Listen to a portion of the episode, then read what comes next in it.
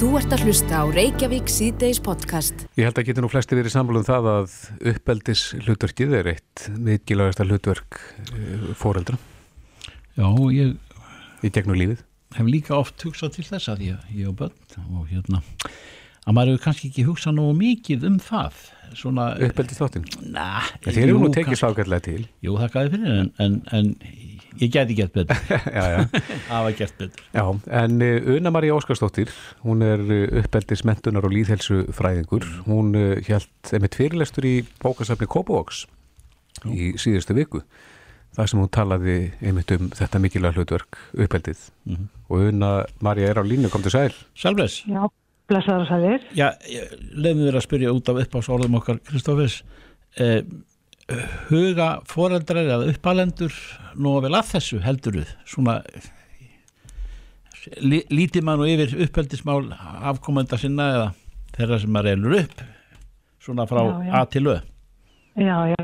Þetta er auðvitað þannig að við komumst ekkit hjá því að upp börnin okkar. Það er bara spurning hvernig við gerum það og oft leitum við auðvitað til eh, já, þess uppbyrdi sem að við sjálf bjögum við og margt er gott og kannski annað verra.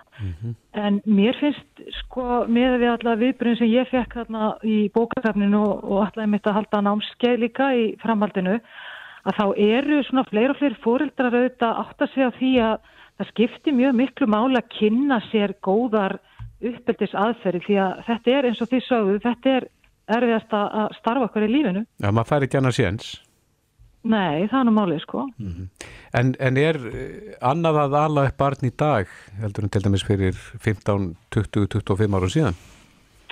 Já, ég held nú sko að eh, rannsóknir sína að það er svolítið mikið frjálsræði og svona afskiptarleysi og það svona byrtist í því að við erum kannski ekki að kanna endilega hvar börnin okkar eru, með hvernig þau eru og það getur auðvitað leitt til þess að þau eru með einhverjum sem að, að já, kannski miður heppilegum vinum og og það getur le- leitt þau áfram í verri hluti. Og ég tala um ef að foreldrar eru alltaf að skamma börnin sín stöðugt og, og þeim er ekki trósað eða hægt fyrir það sem þau vel gera þá fara þetta bara að leita í það hópa sem að, sem að eru með þannig viðþorfa að, að eh, þeim líkar vel við viðkomandi. Það sem að þau fá viðurkenninguna.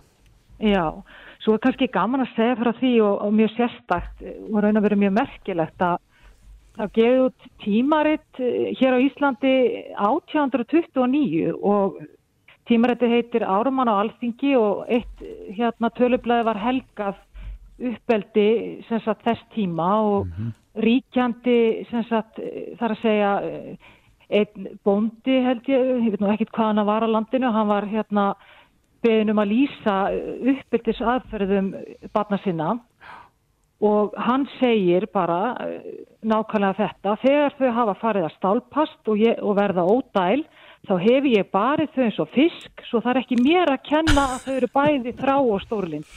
Já, Já, þetta voru mjög mikið, já, aðferði þess tíma. Já, já, og þetta segir mann auðvitað bara að börnin voru akkurat þrá og stórlind af því hann barði þau eins og fisk. já, já, já. En, Þetta er svona kallað refsandi uppeldi í dag og sem maður vonar sem fæstu beiti því. en oft er nú verið að bera saman ja, þegar fjölskylda aðstæður eru þannig að amma hafði nú mjög gott lag á því að koma þessu að sem að mikilvægt er og, og svona ko- lætti að svona vissum hlutum í, í hegðun og, og, og, og lærdómi sem að maður maður hefði nú gott af. Eh, þú Já. skilur komið að hlutunum með lækni og svona ákveðin aðtöfnum þannig að manni lærðist að skilja það og maður, maður finnur það þegar árin færast yfir að, að þetta var mjög gott veganesti.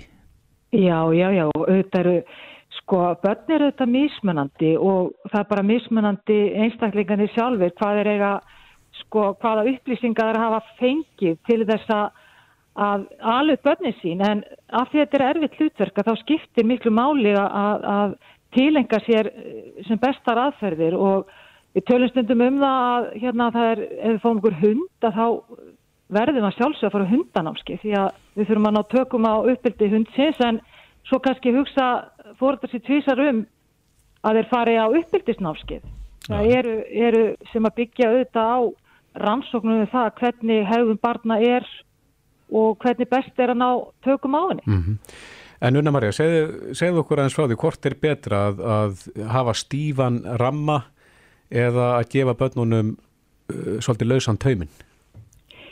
Sko, það verður auðvitað að vera svolítið bæði og það fer eftir hérna á hvað aldrei börnin eru. Við verðum auðvitað að hafa fasta reglur sem að börnin skilja, skýra og góða reglur.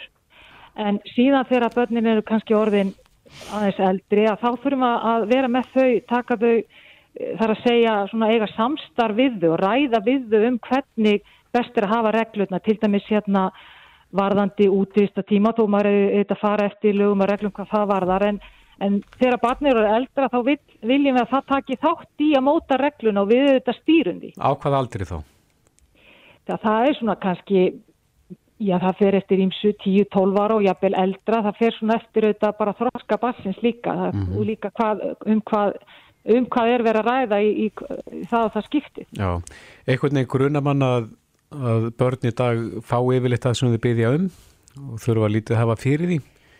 Já, það er nú eitt vandin sko að okkur hætti til að, að sko segja kannski þvert nei að anhugsuðu máli mm -hmm. og svo segir kannski hitt fóruður já eða maður segir sjálfur já og þá er maður búin að skemma svo mikið þannig að maður má ekki, má ekki fyrst segja nei og, og segja svo já. Er uppalandi þá að grafa undan sjálfum sér? Já, hann er að gera það sko og auðvitað eitt af því sem er svo mikið snild í þessu að, að tilenga sér góða uppbyldistætti það er það að, að sko að því að nú verið að tala um stress og, og mikla vinnu á fóreldrum að þá náður betur tökum á, á uppbyldinu og samskiptunum heima og það er svo mikið snild og auk þess sem þeir eru að gera barnið færara um að takast á við lífið og, og til dæmis að, að komi í veg fyrir ímsa vankanta sem að stæðja að eins og e, áfengis og výmöfnaneyslu eða hvað sem er mm -hmm. Já, nú, nú heyrim maður samt að, að tímaleysið og, og, og stressið og, og allt þetta þetta áreiti bæði utan tölvunar og innan tölvunar að það gefi bara ekkert sveirum til þess að til yfirvegar að funda með afkvæminu eða, eða gefa sig að sko benninis upphaldismálum Já, já, auðvitað skiptir miklu mála að byrja að snemma og, og, og, og krakkar sem er á þeim aldrei er mikið, mikið tölvu, það er alveg eftir að ná þeim e, yfir matmálstímanum og koma með góð, góð skilaboð og umfram allt skiptir miklu máli til þess að börni fari eftir því sem að, að maður telur vera gott, það er að þau finna að manni þykir vættum þau. Mm -hmm. Það skiptir mjög miklu máli. Já. En Una Marja, hefur þú fundi fyrir því í þínum störfum að, að fólk hafi áhyggjur af þessu, uppalendur hafi áhyggjur af því að þeir sé ekki nógu góður uppalendur eða, eða sé að gera rétt? Já og það er bara ósköp eðlilegt. Það, það, er, eh, það er margt nýtt líka sem er að gerast í þjóðfélaginu sem að við vitum ekkert hvernig við um endilega breyðast við nema við reynum að finna bestu aðferðina og þá er ekkert skrítið þó fóröldur að hafi áhyggjur af því að þeir ráð ekki við hlutverki það er bara óskup eðlilegt. Já. Já, en svo eru mörg börn kannski sem að búa við það að vera alin upp inn á Netflix og YouTube og, og í spjaltölunum. Já, já, er, þessi töfunótkun eru auðvitað ekki góð og það þarf að setja reglunum þetta líka en, en fóröldar með samt ekki hafa alltaf miklar áhyggjur að, að þó það sé alls konar nýtt sem er að flæða yfir. Þau þurfu bara að vita hvað barnið er að gera og, og passa sig að við í góða tengslum við það og setja skynsalega reglur um hlutina. En ef þú getur nú gefið fóröldunum sem er að hlusta núna eitt mikilvægt og kannski mikilvægast að ráðið, hvert væri það? Það er að vera góðar fyrirmyndir vegna þess að börnin læra það sem fyrir þeim er haft eins og gamla málteki segir og uh, hvað maður segir við börnin og hvernig maður hefða sér sjálfur börnin sko læra það á ákveðin haft og þetta er kallað herminám í uppbyldisfræðinni mm -hmm. Og það ef okkur tekst þetta og, og við, við lærum að skoða okkar eigin hegðun og framkomu það getur bætt mjög mikið, ég meina það er engin fullkomin og, og, en það er örglega hægt að bæta margt hjá sér en maður bara hugsa sér um. Já, Una Marí Óskarsdóttir uppeldismentunar og líðhelsufræðingur Kæra þakki fyrir spjallið. Takk fyrir. Já, kæra þakki sem við leiðis Bless, bless, bless. Þú ert að hlusta á Reykjavík C-Days podcast. Það fer ekkert um milli mála, það er, eru orkuskipti í gangi. Já, já, sumið finnst það ganga of hægt að öðrum, öðrum uh, bara bærilega. Já, já. Það er bara hvað mennir í sveitsettir. Einmitt, en uh, salar afbílum, hún ríkur upp, þannig að menn eru að, að svara kallinu. En svo er það spurning með innviðina, hleðslustöðvar og ég tala ekki um heima Eh, Þetta er í lögum núna, það er að segja þegar það kemur að nýbyggingum að það er að gera ráð fyrir hlæðslu, fyrir mm rafbíla. En það er þetta með eldri hús, og ég tala ekki um fjölbílishús, það sem að þetta nú verið aðeins erfiðara mál Já, að já. eiga við. já, Sigurður Ástíðsson er framkvæmdastjóri Ísorku sem að sérhafa sig í þessum málum, komdu sæl. sælir. Hæ, hæ, hæ. Er eitthvað að eh, svona byrta til varðandi uh, fjölbílishúsin og, og hvernig menn geta aðtatna sig þar? Já, það er eiginlega alveg óvægt að segja í dag að það er engin tæmlega fyrirstað að hlaða rafbíli fjölbíli. Hún er bara mannleg, Já, svo einfalt sem það er. En það eru konar frábæra lausnir og eins og við hjá Ísorku, við erum mikið að sérhafa okkur í þessu og nánast undartekningalöst er nægt ramagn til staðar í sérstaklega eins og í bílastæðahúsum. Við þurfum bara að vinna með það, við þurfum að dreifa álægi og gera þetta skinsamlega og gera þetta vel. Já, já það er nóg rafmagn til, ég veist sko segja fjölbýlishúsins, þannig að, og aðurum stöðum þar sem hægt er að, eins og þú segir, með, með lausnum að koma þessu við. Já, því að oft er það þannig í fjölbýlishúsum að það er kannski ekki alveg nægt ramagn akkurat á einhverju krítisku tímum. Já, að, en, en þar fyrir utan eins og á nóttunni og á daginn og, og þegar bílinn sefur eins og íbúinn þá er nóg ramagn og ekkert mála að hlaða þessa bíla. Það þarf bara að nota snjallvæðinguna til þess að leysa. En, en að leggja rafmagnið að stæðun? Það er sjálfur sér einfalt mál og í mörgu bílakjöldunum sem við erum að vinna í dag, þar er það mikil samstafa að íbúar eru einhvern veginn taka svo á móti sem er ofin faðminn að í krafti fjöldan svo ef, ef húsfélagi samstiga í þessu að þá geta þau spara sér svo mikið pening að það hleypur á sko í sumum húsum alveg á miljónum. Í hverju fælst sá spartaður? hann fælst í því að það er hægt að nota rafstrengi sem að fara í stæðin á milli stæða og nýta innvegin sem eru lögð á milli stæða. Þannig að það er ekki hver og einn að fara á sínu forsendum þvert og endilangt um húsið. Nei. En eh, er þetta mikið eh, mál og mikið rask? Er segja, þarf að, þarf að grafa mikið eða þarf að, að róta mikið til þess að koma þess að?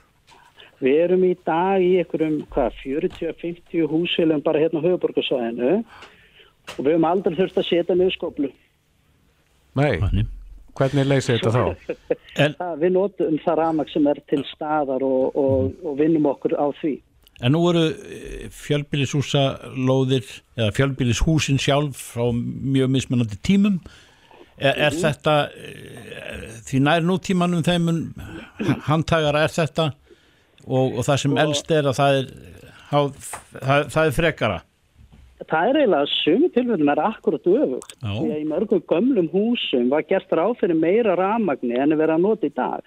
Að raforkunótkun á heimilum, hún hefur í sumum og í flestu tilfellum dreist saman á síðustu árum. En við sjáum stundum í húsum byggð hérna í kringu góðaðrið að þar voru kannski verktakar að spara sér stærð á heimtögum. það er kannski það sem við stundum sé vandamál. Það er í svona tíu ára gömlum húsum en í gömlum húsum eh, og gömlum bílakjöldunum þar oft er, feikin og rama. Já, en í eldri húsum, þar er oft á tíðum ekki bílakjallari. Þar eru stæðin bara úti við. Já, Hvernig leysa með það? þar setjum við hlæðslustöðum með sameilum aðgangi þannig að bara íbúi geta hlaðið og við erum með kerfi sem heldur utanum allt við hérna, húsulega stjórna hvað verði kostar, við skilum öllum peningum á réttastæði En þarf þá setja stöð við, við hver stæði? Nei, bara eitt, ein stöð kannski með tveimu tenglum, það er að byrja á því á samveilustæði og það skiptir engum máli hvernig þú ferð í stöðuna í hvað tengilum þú ferð eða hvernig þú gera. Við veitum nákvæmlega hver fór hvert, hver tók hvað og hver á að fá hvað. Já, en, en Þannig það að- sem eru tvö stæði uh, og kannski fjóri til sex rafbílar, það getur verið þröngt á þingi. Já, en málið er að þeir sem eru reynur rafbíl í dag og keira höfuborgarsvæðinu að ef við tökum bara mikið af þessum nýjum bílum sem eru með 300 til 400 km dregni, það þarf ekki að stinga þeim í samband á hverjum degi. Nei, Þannig að, að svona fjárfesting, hún getur nýst alveg sko 5 til allt upp í 10 rafbílum ef, ef fólk er á misötu tímum og, og bara uh, haga sér vel og, og, Og kemur sér saman um fyrirkomulag. Já, því að og meira að segja er, er dæmi bara eitt húsfélag sem er, er svona eitt af uppáhaldstæmum mínum, vestur í bæ. Þau fjárfesti hlæðslustöð, það var eitt rafbíl en þau leifa öðrum að hlaða þannig að almenni notendur geta farið og stungið í samband þar og húsfélagi fær peningin og svo og get- þannig að þau geta hámarka fjárfestinguna með að taka þátt í innvega uppbyggingu fyrir rafbíla. Þannig að íbúar í nágrennu þeir geta notað þessu stöð og við sjáum um að taka fjármunni af þeim og skila bunkt inn á húsfélagi já, já. Uh, ég bjó eitt sinn fyrir mörgum árum síðan í Hraunbænum Já, í Reykjavík. Þar er uh, tengill við hvert bílastæði nánast, já, hansi við í Hraunbænum. Uh, er verið að nýta þetta í dag undir rafbíla? ekki svo ég viti, það er einhver reynt, það er kannski einhverjum tekist á þess að ég veit af því, en mikið af þessu strengum eru gamlir, eru grafnir í sand og eru jafnvel ónýtir og við erum ekki að tala fyrir því að reyna að nota þetta. Nei, ekki það sem að það hefur verið gert ráð fyrir rafmagni áður fyrr. Nei, ekki svona, við viljum gera þetta eftir nýjustu stöðlum og nýjustu kröfum. Já. Er ómikil spenna sem fer að um? Það fer mjög mikið langtíma spenna, mikið af þessu bílum sem voru að nota þetta, sem voru með vélarhýtara, að þeir voru kannski bara að ganga í klukkutíma rétt ári notandi kom út. Já, En, en hlæðslustöðin er kannski að hlaða þarna svo tímanu saman og er bara allt, allt annað dæmi. já. En uh, hafið þið hýrt af einhverjum hættum sem fara þessum hlæðslum þar sem fólk er að hlaða, ofhittnun og annað slíkt? Eiginlega allt sem að stýra vennulegri innstungu er varúavert og tala ekki um framlengingasnúrur eða eitthvað. Og við hvetjum alla sem eru komnir á rafbíl, hvort sem það er eh, tengiltvinnbíl eða plug-in hybrid bíl eða hreita rafbíl að, að fá sér heima hlæðslustu og gera þetta vel. Því að það er alveg ljóst að þeir sem eru komnir á þessa bíla í dag að ég held að séu allir sammála um að næsti bíl sem þau fá sér verði eins eða hreitt rafbíl. Þannig að þeir eru komin á hana vagn að þá er rétti tímin að, gera þetta bara vel og nota allt það góða og hámarka alla ánægin að því eiga rafbíl. Já, hefur þið hýrt um atveg það sem eitthvað hefur farið við ofhittnun á tengli? Ég hef ekki séð til dæmis opin eld en ég hef séð innstungu sem er bránuð, ég hef séð leiðslurinn í veggjum brána, ég hef séð innstungu sótast og við höfum séð hérna, alls konar vesen að, sem að er tikkandi tímasprengja. Og, og þetta er ekki gert fyrir hlæðslurafbíla og, og ég bara eins og ég segi, við, við ítrekkum alltaf við fólk að fara varlega kynni ykkur máli, kynni ykkur lausninar og, og, og gera þetta vel. Það er aðfyrslur sem hafa komið mitt út af þessu að mennur bara tengja snúruna í, í bílinn bara mm, Já. svona um bílskúshörðina og finna það bara eina einstungu, það gengur Já. ekki.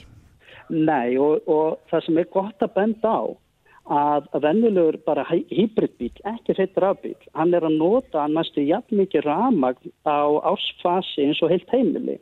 Og þegar maður spyr fólk, myndu við keira allt heimilið ykkar á einni innstungu?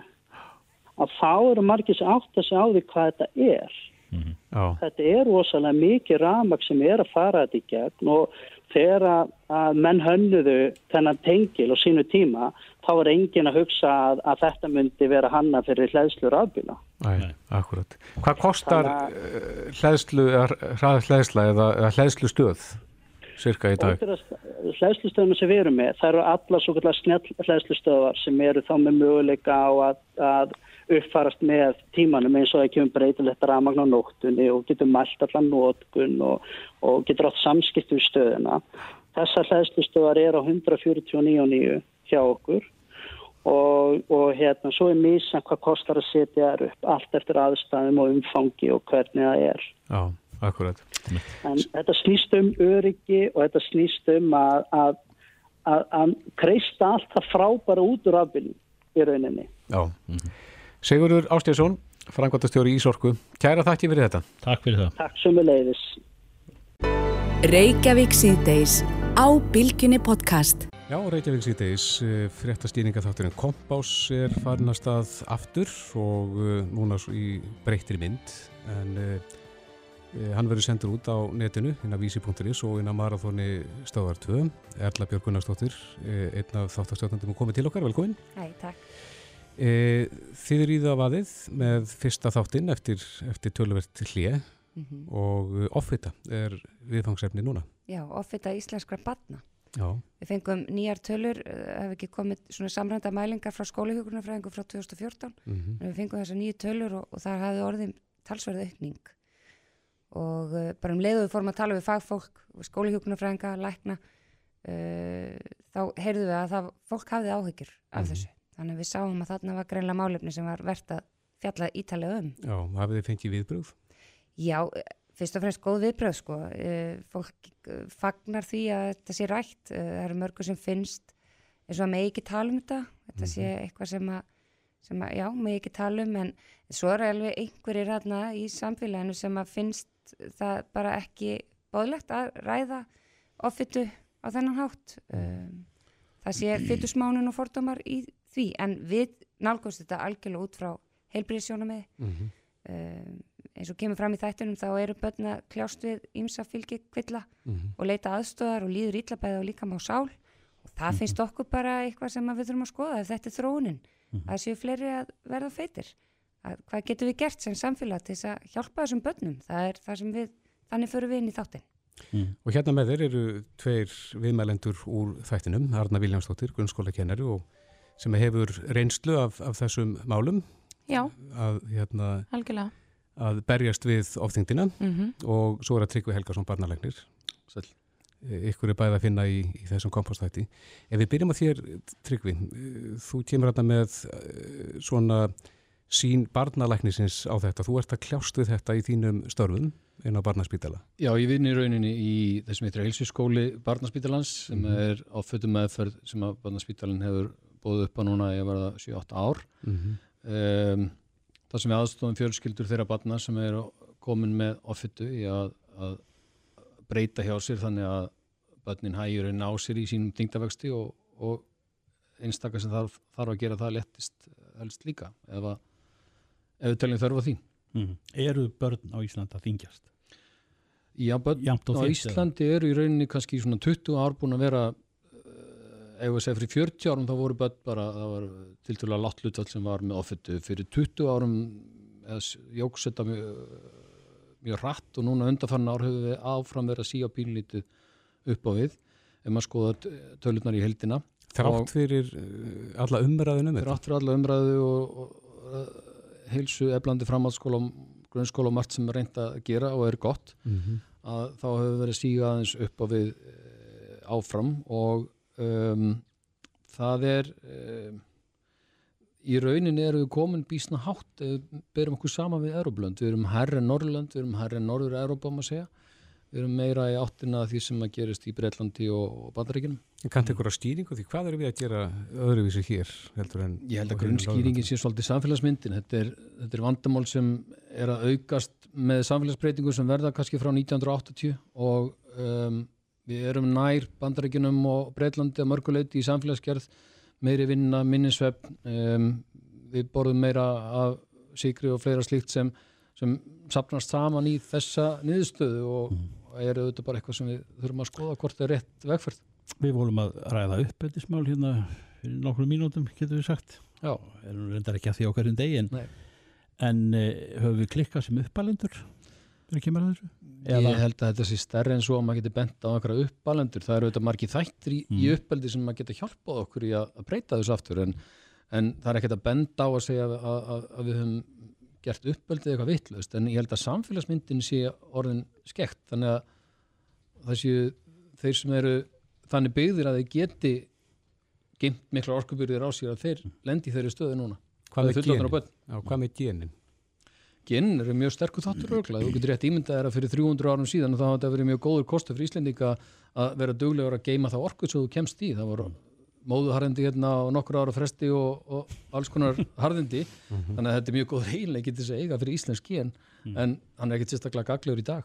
Nei.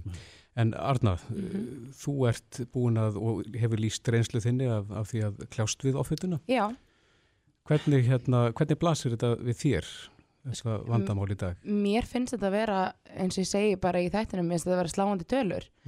Og þegar maður kemur úr þessum reynslu heimi og búin að byrjast með þetta síðan maður var, ég veit ekki hvað gamall að þá langar mann einhvern veginn ekki að tala hans að fara upp. Það er bara, inn í sér er maður bara ég vil þetta ekki, ég, það áengin að þurfa að gangi í gegnum það sem maður gekk í gegnum í rauninni.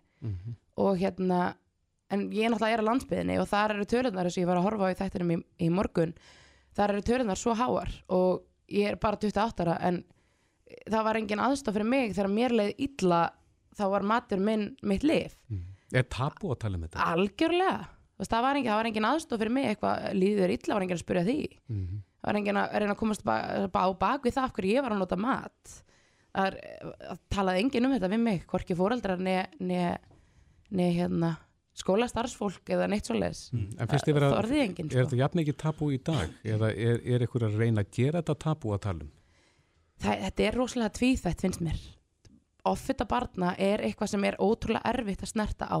En þetta er svo, nú er ég grunnskóla kennari sjálf þetta er skeið þar sem er erfitt að ná til barna á, á þann hátt að þau skilji áhættuna og allt það á bak við það sem er að gerast.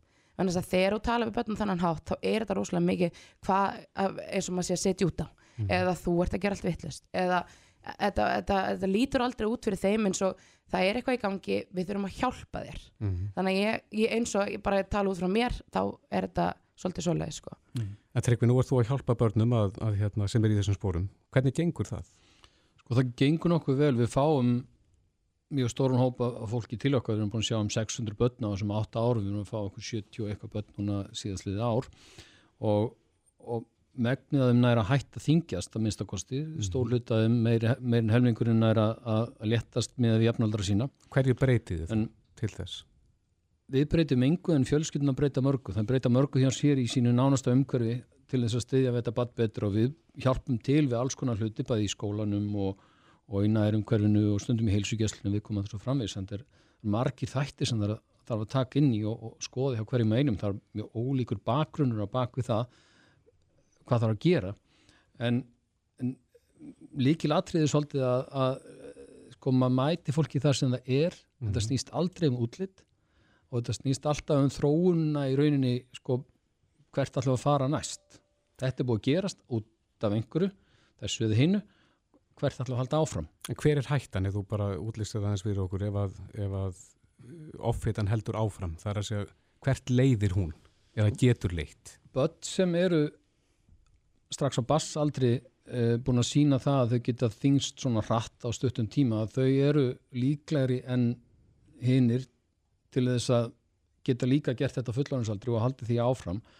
Og ef maður snýr ekki þróuninni við á bassaldri þá eru oft e, þeir sem hafa verið með offittu sem börn og þeir verða fullorðni með mestu eða alvarlegustu offituna.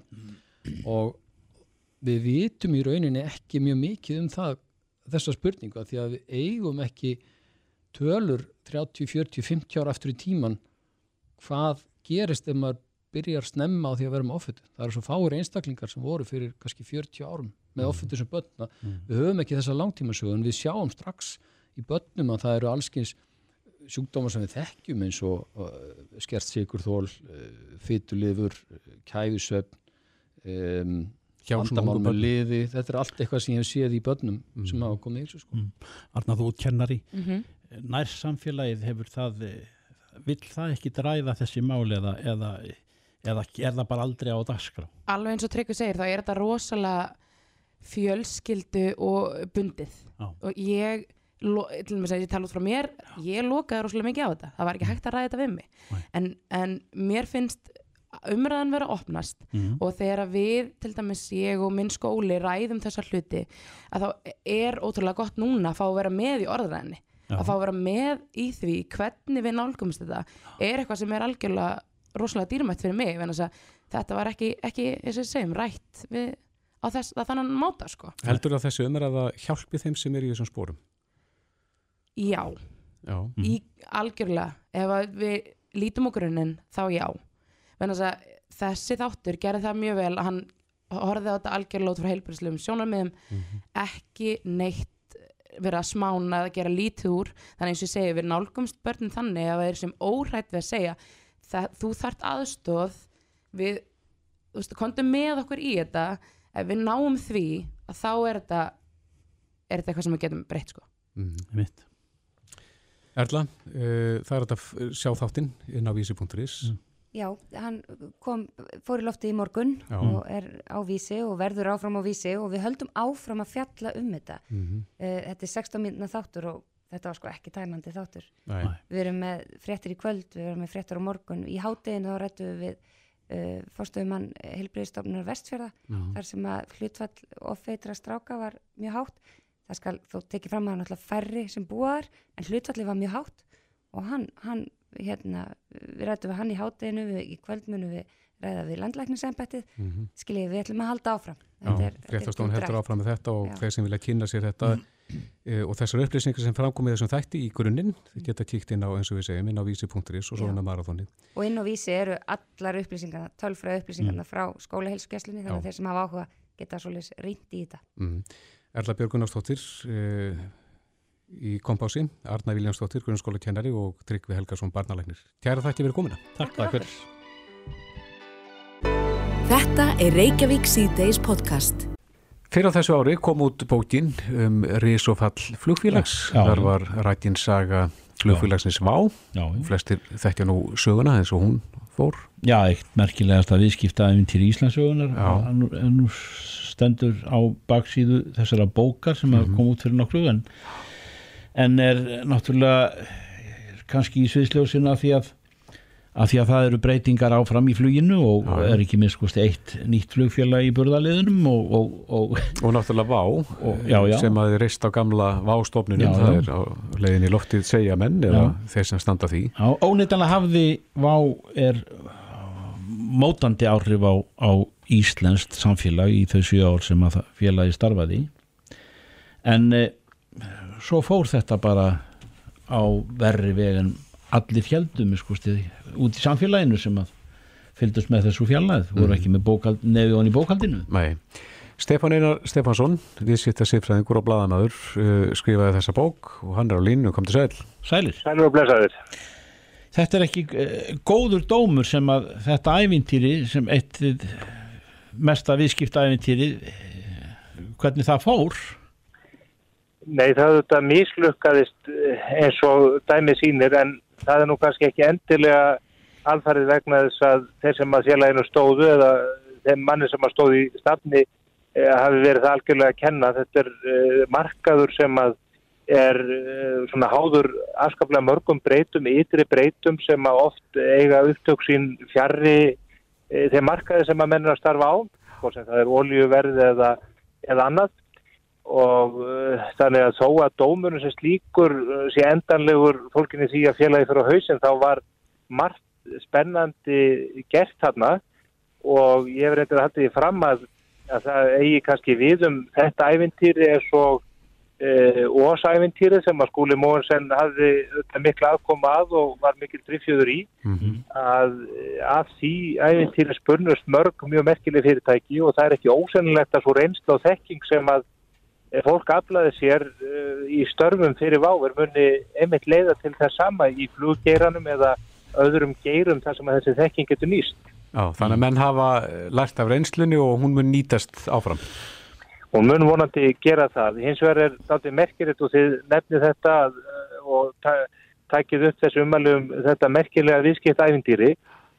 Fyrirtækið er stopnað eh, 2012, eh, hefur flugrestu 2013, svo fer það á hausinn í, í byrjun þessa árs. En eins og sagt eh, er í allavega einum kabla bókarinn og þá er margt sem að bendir til þess að félaginu uh, hafi, ja, félagi hafi verið komið í nær vonlösa stöðu miklu fyrr Mhm. og það kannski má segja að félagið hafi hlotið dauðadómin svona um það byrjum fimm árum eftir að e, það var stopnað Mhm. og það er kannski svona svipaður líftími og e, bankarnir höfðu e, eftir engavæðinguna og fram að hrunni. Þetta er, er stundum eins og að mönnum takist ef að þeir missa tök á aðstæðum, e, láta félögin vaksa of hratt og, og ekki af nægilegri varúð, að þá takir það kannski ekki nema fjögur, fimm ár að, að snúa spennandi draumi í algjöra marglas. Já.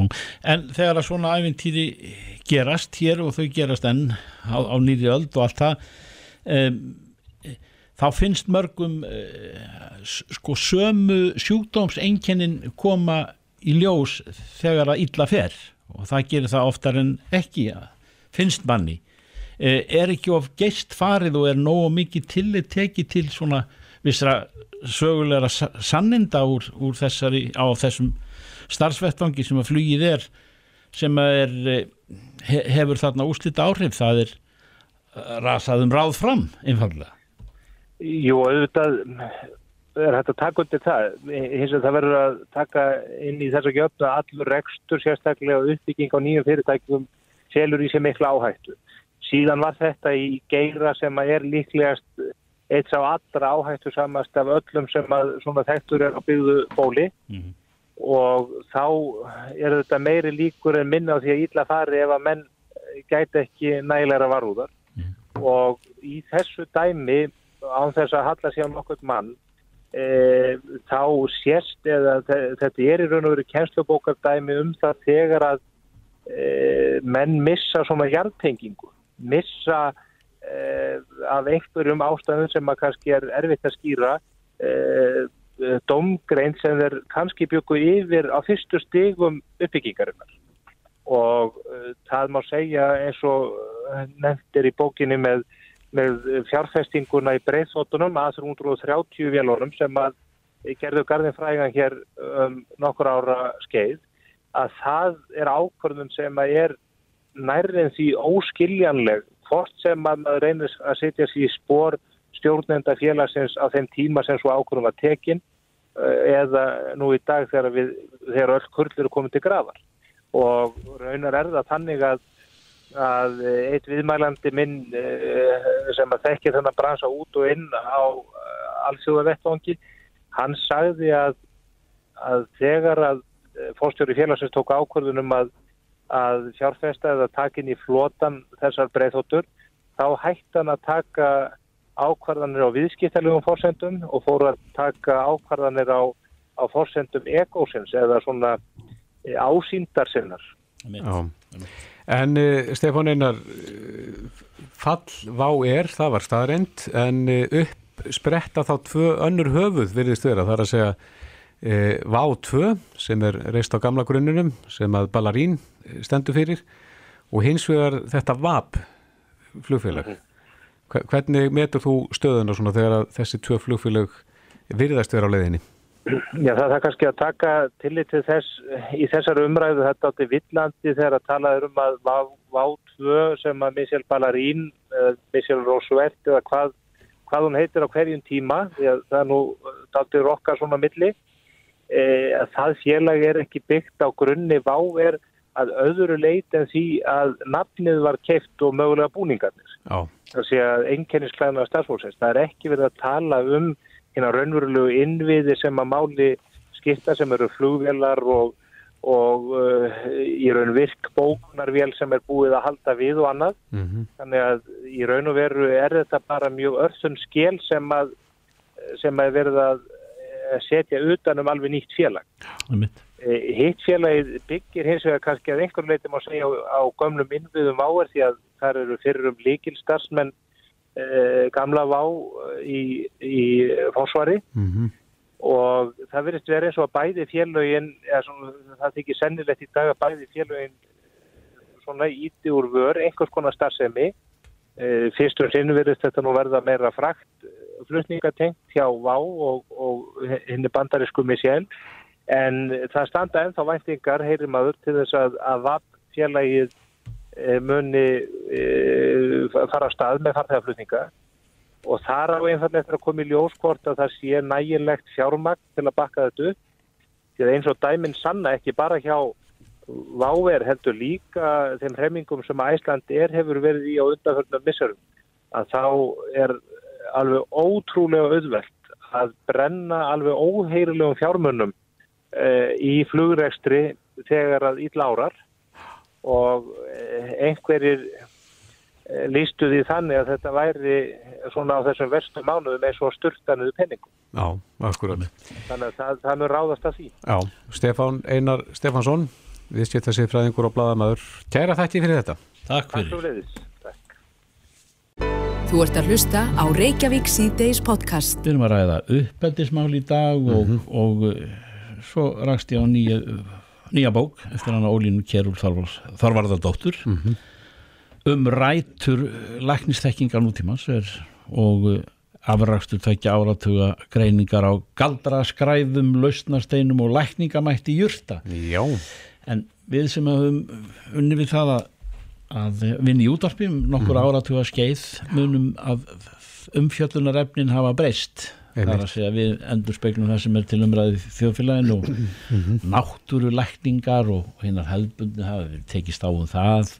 En einhvern veginn er svona tiltölla hljótt á, á miðunum en, en við skulum sjá og heyra hvað eh, Ólína Kjærúl Þorvaradóttir býður upp á í, í þessari nýju bók, Lífgrös og lendi dómar.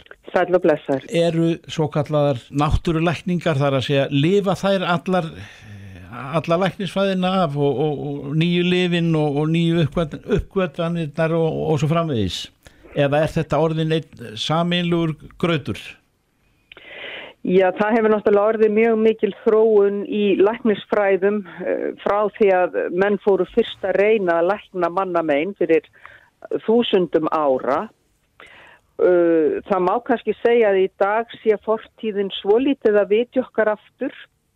Uh, lækningarnar eiga sér náttúrulega langa sögu, það eru upphaflega tengjast mjög stert bæði töfrabröðum hérna trúarbröðum og, og, og töfra hugmyndafræði og galdur og lækningar eru mjög samofinn langt fram eftir öldum. En svo skiljast nú þessar greinar að eftir því sem tekkingunni flegir fram og uh, á sama tíma og menn svona er að þróa lækningarnar í átt að því að verða vísindi, þá þróast líka ákveðin svona alþýðu þekking á grösum og jurtum og lækningamætti þeirra. Svo verður aðskilnaður á milli þessar að tvekja þátt á 20. öld þegar oftrúin á máttvísindana tekur völdin og við förum með síklarlifjum og öðrum annari þróun í livjafræðin að sigrast á drepsóttum og, og lífshættulegum sjúkdómum. Þannig að það má segja að það hafa orðið mikill viðskilnaður á 20. öld millir hinna gömlu fræða og hinna nýju fræða. En á þeirri 2001.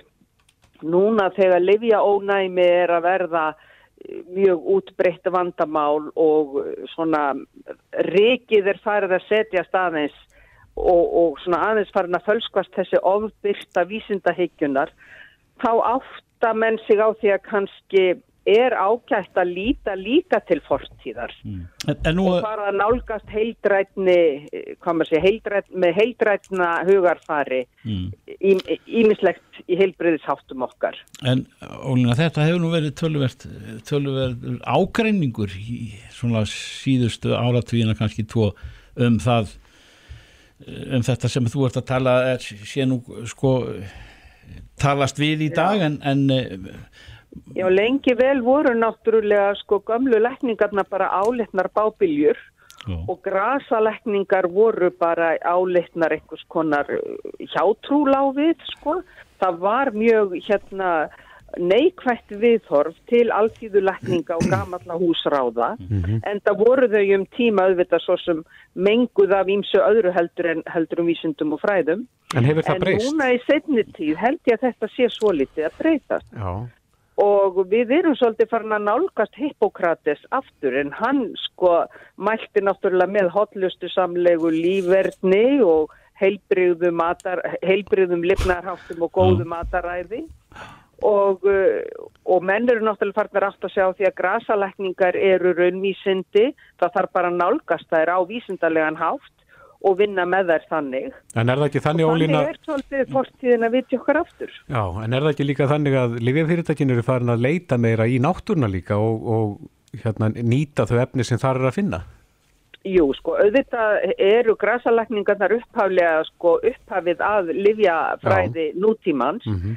en livjafyrirtækin, það er tvent að gerast hjá þeim, annars eru þau náttúrulega farin að skinja kall tímans Það er mikil trú á náttúrulegar lækningaaðferðir, vaksandi trú, það er svo að það hafi komið aftur inn í menninguna hjá okkur og kannski eru lifjafyrirtækin að svara því kalli og svo er hér líka hinn möguleikin að þeir séu bara átt að segja á því að þarna er kannski, þarna er kannski auðlind sem að þeir mættu nýta betur. Mm. En heldur að, heldur að ungi læknar í dag séu jafnvel opnari fyrir að prófa eitthvað nýtt? Ég held að ungi læknar séu svo litið hérna beri meiri virðingu fyrir ymsum ymsum sem lítur að heildrænum lækningum í dag og náttúrulækningum heldur en var fyrir svona 30-40 árum. Já. Ég held að þetta sé að koma svolítið aftur og auðvitað væri æskilegast að þessi þekking kynnslóðanna og svo nútíma læknistekking næðu að takast hönd í hönd. Mm það væri kannski farsælast. Já, maður svo sem finnur fyrir því að, að þeir hinn er ungu leita frekar svona á náttúrulegu miði í þessu og, og, og kannski í, í dýraringi líka sem að maður hefur nú stundum heyrt af svona í, í frétta mólum hérðan og þaðan að, að, að þar sem að já til dæmis eh, dýrin eru látin nema sjúkdóma eða eitthvað sem er, er, er gott og, og, og slæmt? Já, það hafa Þetta... til dæmis verið gerðar tilraunir með hunda að uh, þeir þefa upp í krabbam, ímis krabbamein og, og uh, eh, lyktarskinn hunda, e, það er verið að gera ímsar tilraunir með að prófa það með sko hvernig hægt er að nota það og það er farið að nota lyktarskinn hunda til dæmis við greiningu ímissa krabbameina. Og þetta er bara mörgundruð ára gömul tekkingur raun og veru því að í einn af eldstu íslensku lækningahandritónum er til dæmis sagt að til að greina lífsmöguleika manns þá megi strjúka fleskbyta við húðin á honum og kasta fyrir hund ef hundurinn getur að þá á maðurinn lífsvon en ef hundurinn vill ekki geta að þá sé maðurinn, þá eigi hann litla von. Og þetta er svolítið skemmtilegt að hugsa í samræmis og við þessar nýju tilraunir sem verið er að gera nú orðið með að nýta lyktarskinn hundsins. Já, ja. Þannig að það er margt skemmtilegt í þessum fræðum. Mm -hmm. eh, eh, segjur að þetta sé svona menn séu orðin mun meira sammála á, á báðum vangjum í dag en, en þeir voru kannski fyrir tveimur bara um aldamótin eða nýlega Já, ég, já, ég held það ég held til dæmis að ungi lagnar í dag og þeir sem er að hugsa um sko líðheilsu og heilbriðishætti séu miklu, miklu opnari fyrir þessum gamlu vísindum heldur en var um miðja 20. öld mm -hmm. meðan lagnarvísindin töldu sig hafa svar við öllu. En nú eru menn kannski að gera sig grein fyrir því að það borgar sig kannski að horfa til heildrætni, með heildrætna hugarfari á heilbreyðisvandamál mm. og Hippokrati sagði á sínum tíma lækni, að líka minn læknaði flest megin ef hann bara fengi frið til þess og aðstóð við það. Mm. Og ég held að þessi hugmyndafræði sé svo litið að koma tilbaka. Sem betur fer því vísindin eiga gríðarlega mikla möguleika ef að þau bara hafa í sér auðmygtina og, og hér opna auða fyrir möguleikonum. Mm -hmm. Lífgröðs og lendir dómar, eh, Ólína Kjærúr Þorvaladóttir, við erum örglöttir að heyra meira af þessu en, en til ham ekki með þetta framtak og, og gangið vel. Takk fyrir. Takk fyrir. Verður bless. Bless. Hlustaðu hvena sem er á Reykjavík C-Days podcast.